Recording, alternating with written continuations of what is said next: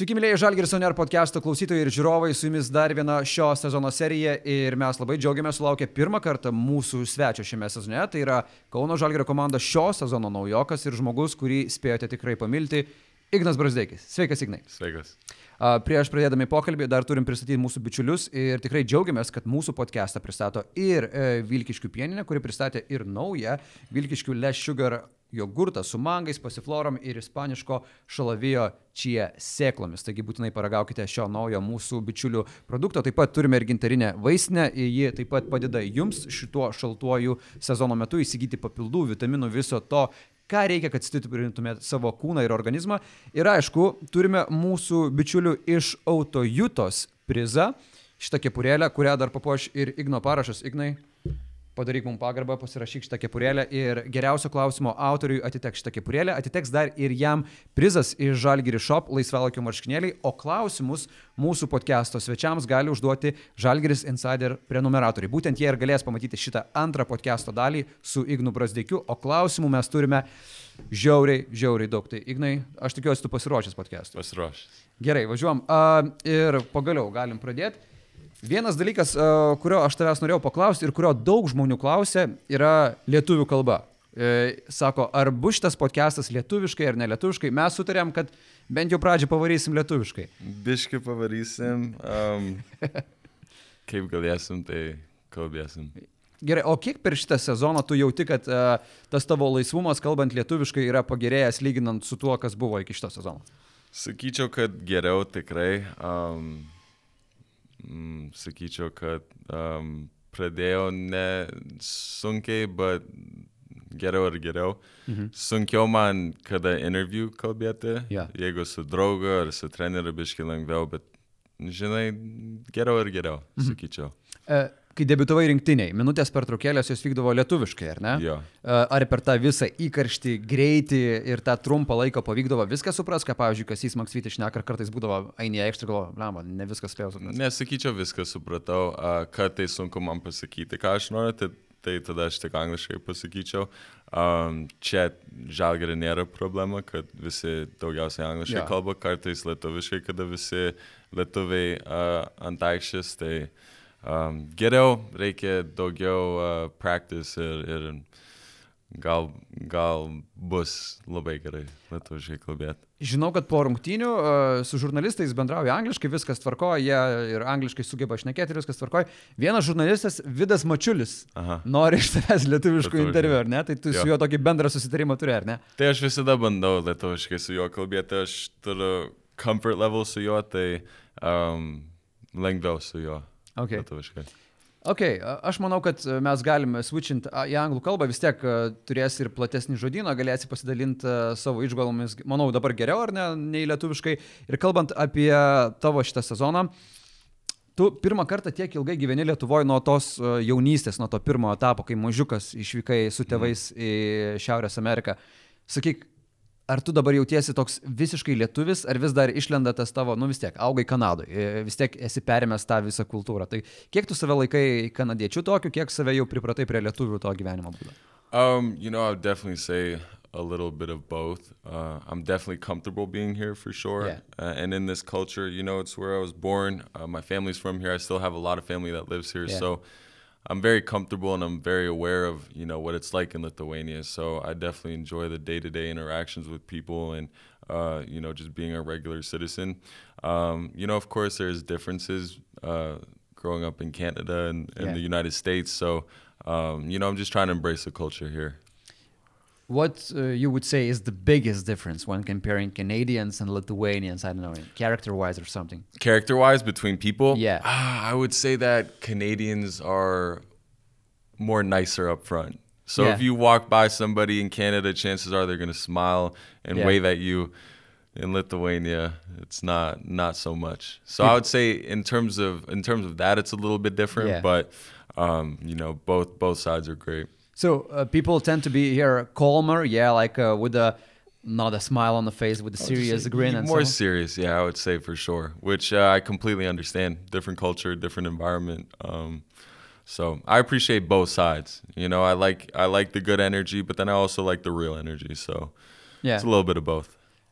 And here you have grandma living here, yeah? Both both grandma, uh, both sides grandparents live here. And, and in one of the interviews, you mentioned that uh, you really love your grandma's food here, yeah? Yeah.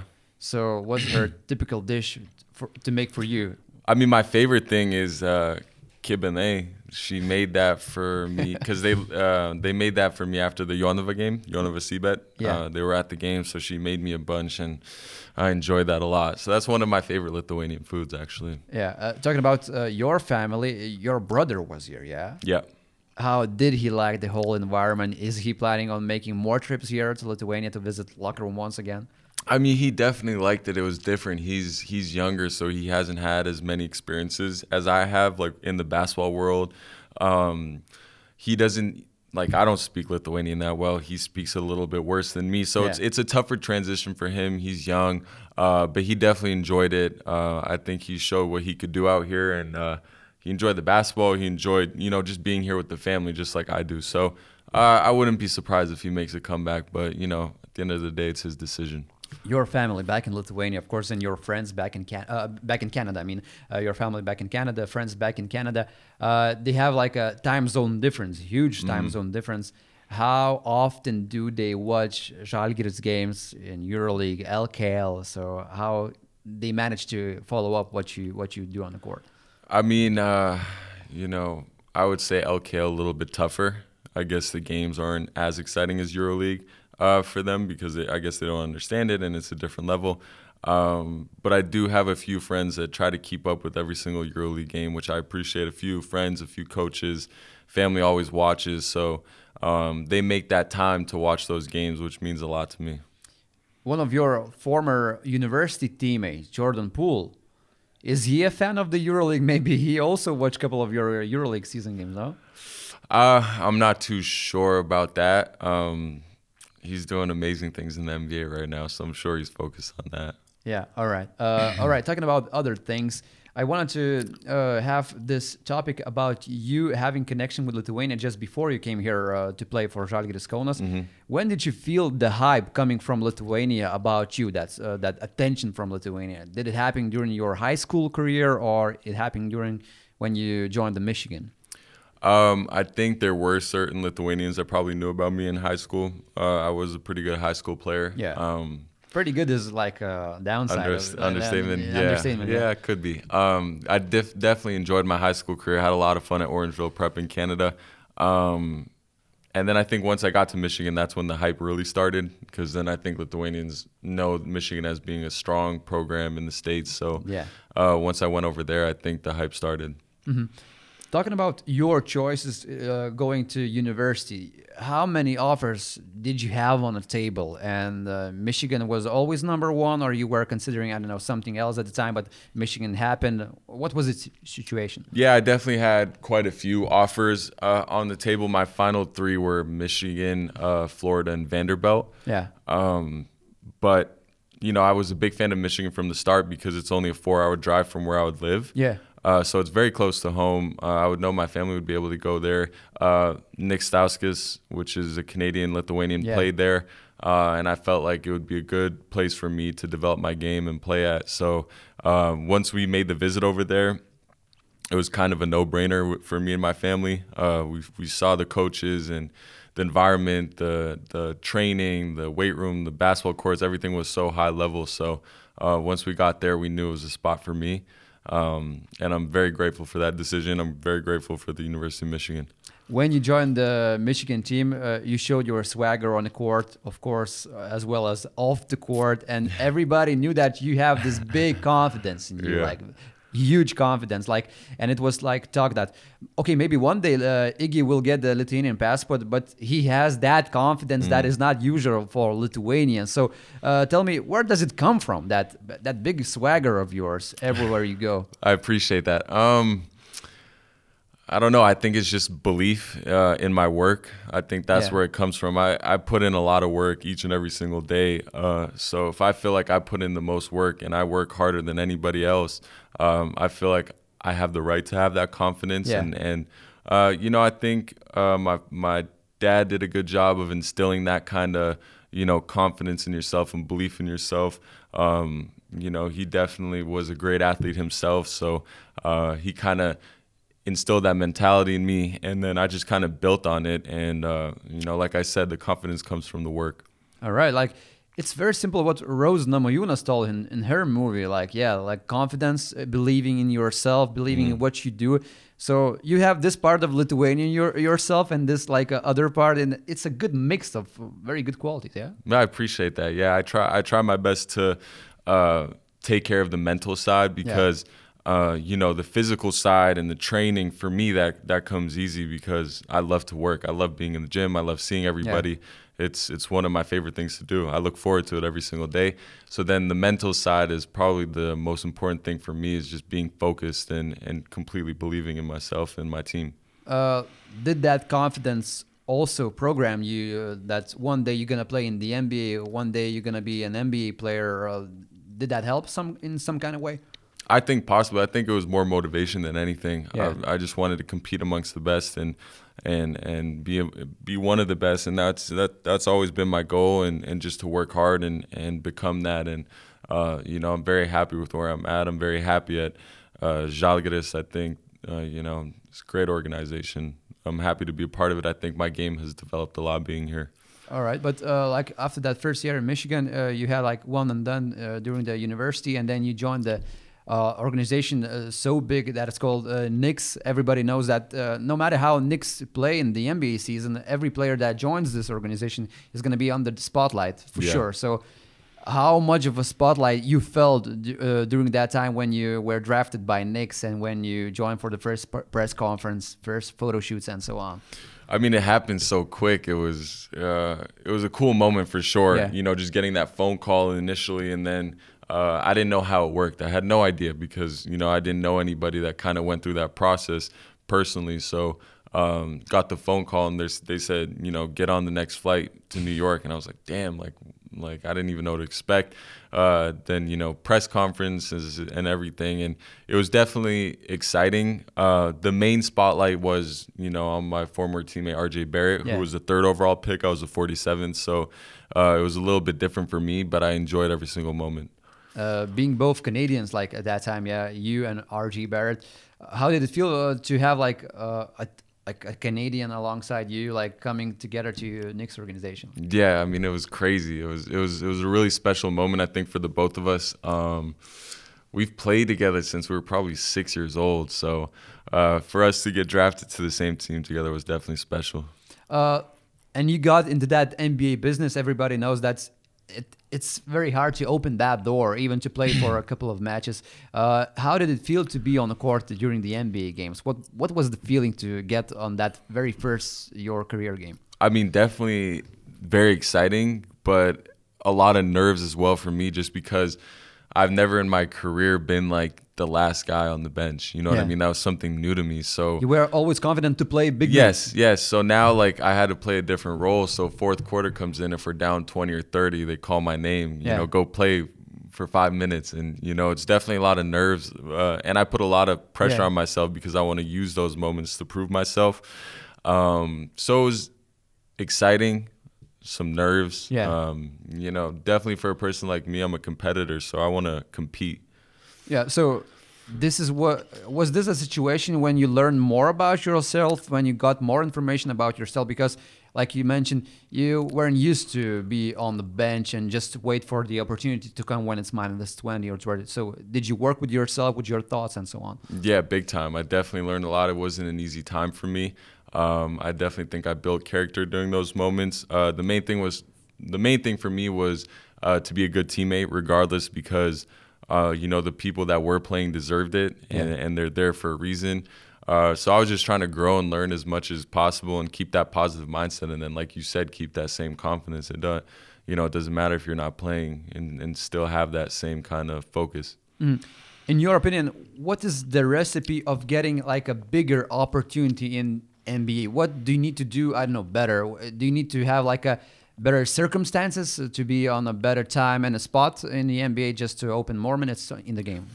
Um, I think it's a combination of everything. I think it depends on you know how the coaching staff sees yeah. you, how the front office sees you, uh, what they think you're capable of, and then yeah, like you said, like right timing. You know, just being on a team where there is opportunity, Yeah. where you could show what you can do, and then uh, once that opportunity comes, to be ready for it. You know, do the things that you need to do, and uh, I think for a lot of guys that are trying to crack the rotation, the biggest thing is to do it through defense. Uh, that's what you know, because the highest paid players and the players that are playing can score the ball and, and they know that. So they they want to see other things from you. So i think defend and then just take the opportunity and you know pray that the timing is on your side Uh, during your stint uh, with the Knicks, you also had uh, opportunity to play for the G League team. Big Yeah. minutes, uh, uh, good statistics, uh, good numbers.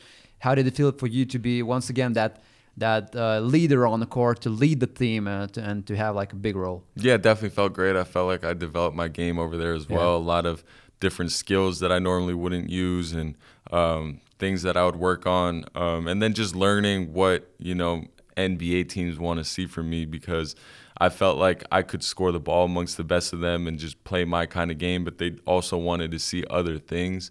Uh, so just learning what they wanted Yeah. to see and what game, what part of my game I needed to develop was important. And how that communication went between you and the club? Like the coaches would say, like, okay, Iggy, we would like to see this and that on the court. Can you show on the court during the G League games? Can you say some of the examples? What did you need to show on the court during the G League games? Yeah, I mean the fir- firstly, like the most confusing part is like when I would score like 35 or 30, you know, and they'd be like, it doesn't matter. Like you could score 30 or 35, like that doesn't really matter because you're not going to do that on this team. And to me, like that's hard to hear because I'm Yeah. like, yeah, I can, you know what I yeah, mean? yeah. But um, the biggest thing was just for me uh, to really work on catch and shoot Yeah. like keeping the game simple because I felt like I had the skills to do what I needed to do, but they wanted me to keep it simple. So catch and shoot, drive closeouts, uh, you know, make the right plays off of a ball screen, and then defend the shit out of the ball. So even though you score like a 40 or 50, they want those things uh, Yeah. to show on, on the court, yeah? Yeah, they didn't they didn't really care about that because I think the level in G League to to the NBA is different for sure. They play at a different level, so uh, to score 35 or 40 in a G League game doesn't really you know say much to some NBA teams. I think. Uh, during your second season in the NBA, you switched the teams. Uh, Mm-hmm. Can you uh, tell us about that situation? You you got a phone call saying that you're going to Orlando. How did it happen? Yeah, I mean, I talked to my agents before the trade deadline. I just kind of asked, like, is you know there going to be any movement for me? They said most likely not. Just stay with it. Yeah. Stay locked in. And then I was taking a nap before a game, and then that's that's when the phone call came. I missed the phone call because I had it on do not disturb, and then my agent called me like seven times, and then Oh shit, something uh, happened. I'm like, what the hell? And then, um, yeah, I picked up. They said I got traded to Philadelphia, and I, it was exciting for sure. I was like, damn, you know, new opportunity. But then again, going into it, they're a playoff team. They're a contender. They Yeah. have their guys. They have their young guys. So I knew it wasn't going to be easy, and I've literally spent like maybe a month there, maybe a little bit less. Played in one game, Yeah. and then got waived. yeah, and then you joined Orlando Magic. Yeah. Yeah, and then I signed with the Magic for the rest of the season, which was you know big time for me. Grateful for that organization for picking me up and you know giving me an opportunity to play. Yeah, uh, and during your stint with the Orlando Magic, you got your first big minutes in the NBA, playing a good role, uh, Yeah. scoring lots of points Mm-hmm. uh, comparing to what uh, you had as an opportunity before with the Knicks. How did that feel? Man, it felt great. It kind of you know made me feel. Uh, like I could play in the NBA. Like Yeah. I'm one of those guys that could compete at that level and and and really do my thing over there. So it gave me a lot of confidence. Uh, I felt like I got a lot better over there. Orlando, great weather, you know, Yeah. great city. So just the whole the whole the whole environment and that whole experience was a lot of fun for me. I just rechecked uh, your last games with the Magic stats. During the last seven games, you averaged 14 points. A very good end of the season for you personally. Uh, after that stretch, did you have any hopes that of you staying, not maybe for example in the Magic, but staying in the NBA and like continuing there? Yeah, of course. I mean, uh, I felt like I I did well, like you said. Um, but you know, sometimes it's not enough. Whatever it is, you know, an NBA team needs uh, to take a chance on a guy like me, who's a you know who was a second round pick, which I feel like I'm deserving of that chance. Yeah. I feel like you know even developing more from this year. Um, but you know, I I definitely I don't put my head down. You Yeah. know what I mean? Like it's okay. I, I wanted to be in a place where I was needed and I could play and, and help a team win, a good team. My my biggest thing, like the thing that I love most is making a good helping a good team win big games. Yeah. I, I love that. So this last summer uh, was decisive for your career. Uh, you joined Žalgiris, but before you got uh, an actual uh, signature with Žalgiris and making that contract happen, did you have any contact with Žalgiris before? Like, did you know that was a team from Lithuania that's very interested in you, even though you were playing in the NBA at that time? Yeah, I mean, I've definitely known Žalgiris for you know the longest time. I think my first basketball jersey that I owned was a Žalgiris jersey, like um, Do playing. you still a- have the picture? Yeah, I do. I do. I, I'll send it to you. All right. Um, it's of me and my brother. My brother's smiling, kind of crazy. It's funny. um, but yeah, I think they. I. Uh, I think uh, my agent did mention it before that they're interested, and you know, um, it was definitely exciting for me. I'm like, wow, it's you know, it's exciting. Like Žalgiris, like Yeah. I, I love the whole organization. I love what they stand for. So it was definitely exciting. Uh, but I know that it was still uh, some decisions needed to be made. I, I remember um, uh, back in the office, I was talking with some of the people, and everybody was like fingers crossing for Iggy to come here because I knew that you got a couple of other offers, and of course, as a as a player who got his mark in the NBA, you were a big name coming to Europe. So how I don't know. You said that Žalgiris was a big name for you, but still, how hard of a decision was for you to make, like to go to a certain team? Because I know that you could choose from something. Yeah, no, for sure. Um, it definitely wasn't easy because it's such a crucial decision, and you know, coming to Europe for the first time, it's it's you know a big decision. But I'm, I just had a feeling, you know, Žalgiris, um, you know, Lithuanian program. Um, I knew the organization was um, very solid, good people. It seemed like based off of my conversation, based off of what I heard. Yeah. Um, I already had that little stint with uh, Coach Kazys Yeah. Uh, during the first window. So I loved what he did. Um, really loved how he coached. So after that, and just kind of putting everything together, and you know, always having so much respect for Žalgiris, Yeah. I, I'm I made that decision, and my family and I made that decision, and we're happy about it. Uh, we're gonna uh, jump on Žalgiris topic just soon, but uh, I wanted to talk about the Lithuanian national team before. Uh, in 2021, you got your uh, Lithuanian passport, yeah. hmm How that event was met in your family? How did they celebrate? Oh, we were so excited. Um, and then you know, shortly after I got it, my brother and my sister got their passport as well. oh, really? The whole family? Yeah, pretty much our whole our well, I mean my brother already had it, so it was my sister, but it was just very exciting. Like, you know, it just opened a new door for us and, Yeah. and to be and we've always felt Lithuanian being born here and, and, and kind of still having that same culture at home, even though, you Yeah. know, we didn't speak it as much, but Yeah. we had those same similar values and cultures. So um yeah, just very excited and very happy to just be be a part of the Etov again. Uh, I think your grandparents were over the moon, yeah. Yeah. Oh, for sure, for sure. They uh, they love watching me play. They get nervous a lot, you know, just supporting and Yeah. wanting us to do well. So uh, definitely appreciate their support. Uh, before you joined the national team, you met uh, Kazys Maksvytis, yeah. He was in States. Yes, he, yeah. came, he came to Orlando. Yeah. H- how was first impression of Kazys Maksvytis? Everybody knows that he knows his way to a person. He knows how Yeah. to approach a person. How? What was your first reaction to Kazys Maksvytis? Man, it was great. Um, uh, I picked them up from the airport. You know, they were Ah, definitely you picked him up. yeah, because it was uh, they were supposed to come to one of my games, Yeah, but yeah. there was a delay in the flight and Yeah. so much issues. So I came and picked them up from the airport. So and you this car ride together. car ride. It was cool. Like we just, you know, just talked about whatever, you know, just life and whatnot. And then uh, they came into my apartment.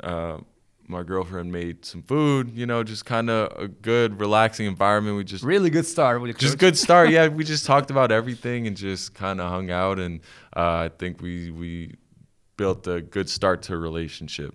So, So.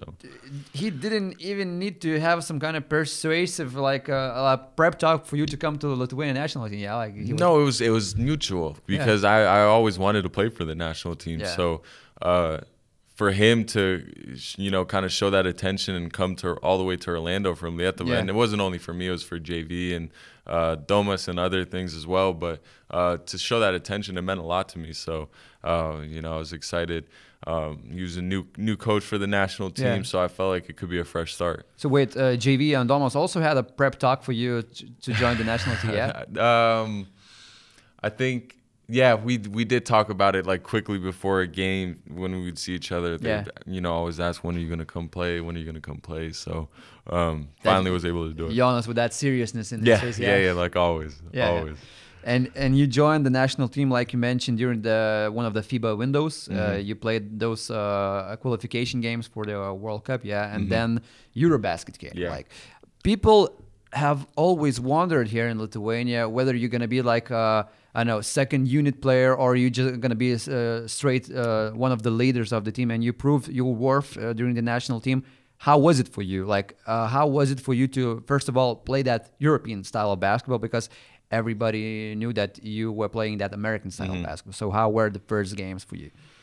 I mean, first first few games, I think during the windows were good for me. Um, it's definitely still a transition, but um, it was a different level. It wasn't the highest level. Once you know the European Championships yeah. came around, like that's you group know, strong, of death, yeah, group of death, like strong teams. They kind of, I felt like a lot of guys had an advantage over me just knowing that type of basketball like certain things you just yeah. need to do and and understand before you know even the play starts so I didn't really have that knowledge of the game, so I was kind of just playing off of instincts and listening to you know the other guys. So uh, I felt you know I did I did what I could. Um, I don't think it was my best, uh, but again I didn't have that kind of knowledge that you know it's first time playing for a national team, first time meeting the guys. So um, i am proud of you know how I played. I'm proud of how the team did. Uh, I think we could have done a lot better. I think we had the talent to go all the way. Yeah. Um, but you know, there's you know another summer summer coming around. So uh, of course, the game with, versus Spain proves that you guys were worth a shot. I mean, we beat them twice during the. Uh, pre pre qualification or whatever. We had two, two game, exhibition yeah. two exhibition games and then we lost in overtime. So it's tough to beat a good team three times in a row.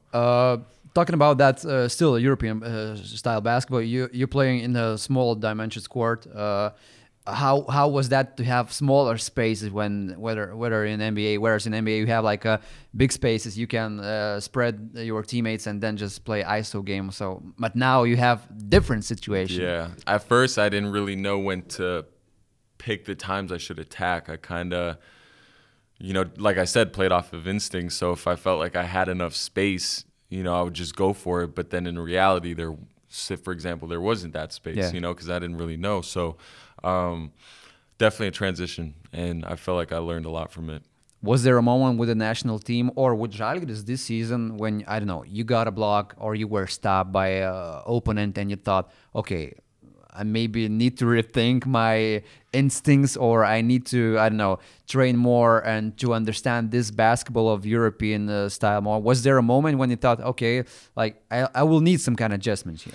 No, for sure. I knew I knew even before coming here that it would be an adjustment. I didn't yeah. think that right away I'm going to come in and you know be the player that I and can dominate be. the game. Yeah, yeah, I didn't I didn't think that. I I of course will come in and, and be confident and, and do what I believe I can do and then kind of learn from there. And I think uh, going through those moments where someone does block me or something like that, I learn from those moments. I don't it doesn't go to my heart. I don't, you know, I don't want to start crying or anything. Like I'm yeah. just gonna learn from it, get in the gym and make sure it doesn't happen again. So I think just yeah continuously going through that and continuously just learning through my mistakes, yeah, um, I'm able to perform better now. Next time you won't block me, yeah. Yeah, yeah, that kind of mentality. Yeah. Uh, then you join Žalgiris. You join a very strong EuroLeague tournament. This season is EuroLeague is crazy, huge mm. competition between like team from one first place almost to the end of the standings.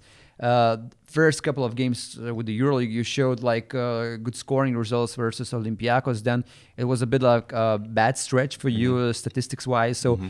how was that uh, learning adjustment experience for you this EuroLeague season?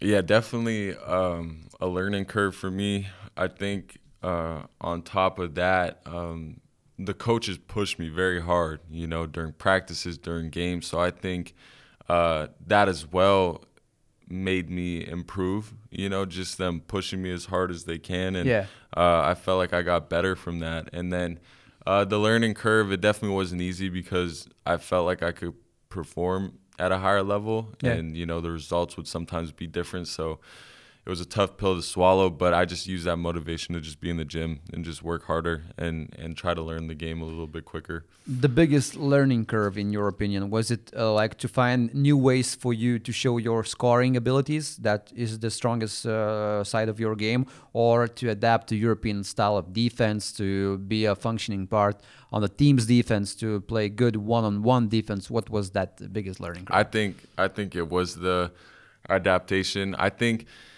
uh, yeah, I think just adapting to the game, and then uh, once I would adapt to the game, then I think my those parts would just open up for me. Um, you know, just attacking and defensively, like those uh, few moments that I could read would open up for me. So just learning what I needed to do on the court and um, just focus on, and and it kind of allowed me to grow.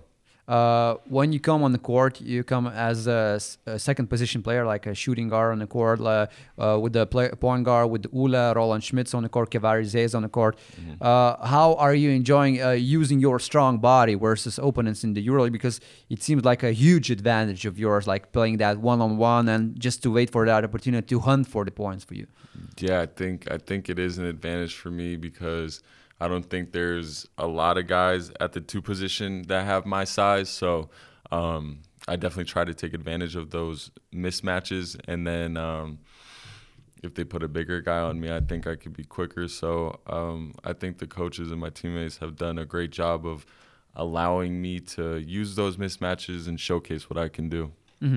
Can you answer one more question that is a very huge question in the international basketball uh, of the fans of NBA and also European basketball? Luka Doncic uh, said something about it. Giannis said something about it. When comparing NBA and EuroLeague, where is it uh, easier to score points? Is it true that European uh, basketball, EuroLeague basketball, is harder when it comes scoring the points? What do you think? I would I would say yes. I think EuroLeague is tougher to score on. I don't think it's um, I don't think it's easy to score in the NBA, especially I haven't been in the playoffs, so the Yeah. playoffs looks like the intensity picks up. But uh, EuroLeague is definitely tougher, and I think it's the main reason is because two reasons: um, no three second in the key on defense, Yeah. and then everybody just plays way harder in Europe. So I think because of those two things, it's harder to score in Europe. And uh, every game's value is kind of different here in the EuroLeague. Yeah, Yeah. well, the Yeah. game, uh, well, the team in the last understanding maybe still fighting for something. Yeah, well, Yeah. in NBA, it can be otherwise. Yeah. Yeah, exactly. Every team, every single night is going to fight as hard as they can. So that's that's a huge difference. NBA, like some, you know, star players could take a possession off on defense, kind of whatever, just go get a mismatch and score the ball. Here, like no one's gonna let anything happen easy. So it's it's a fun brand of basketball. I definitely love it.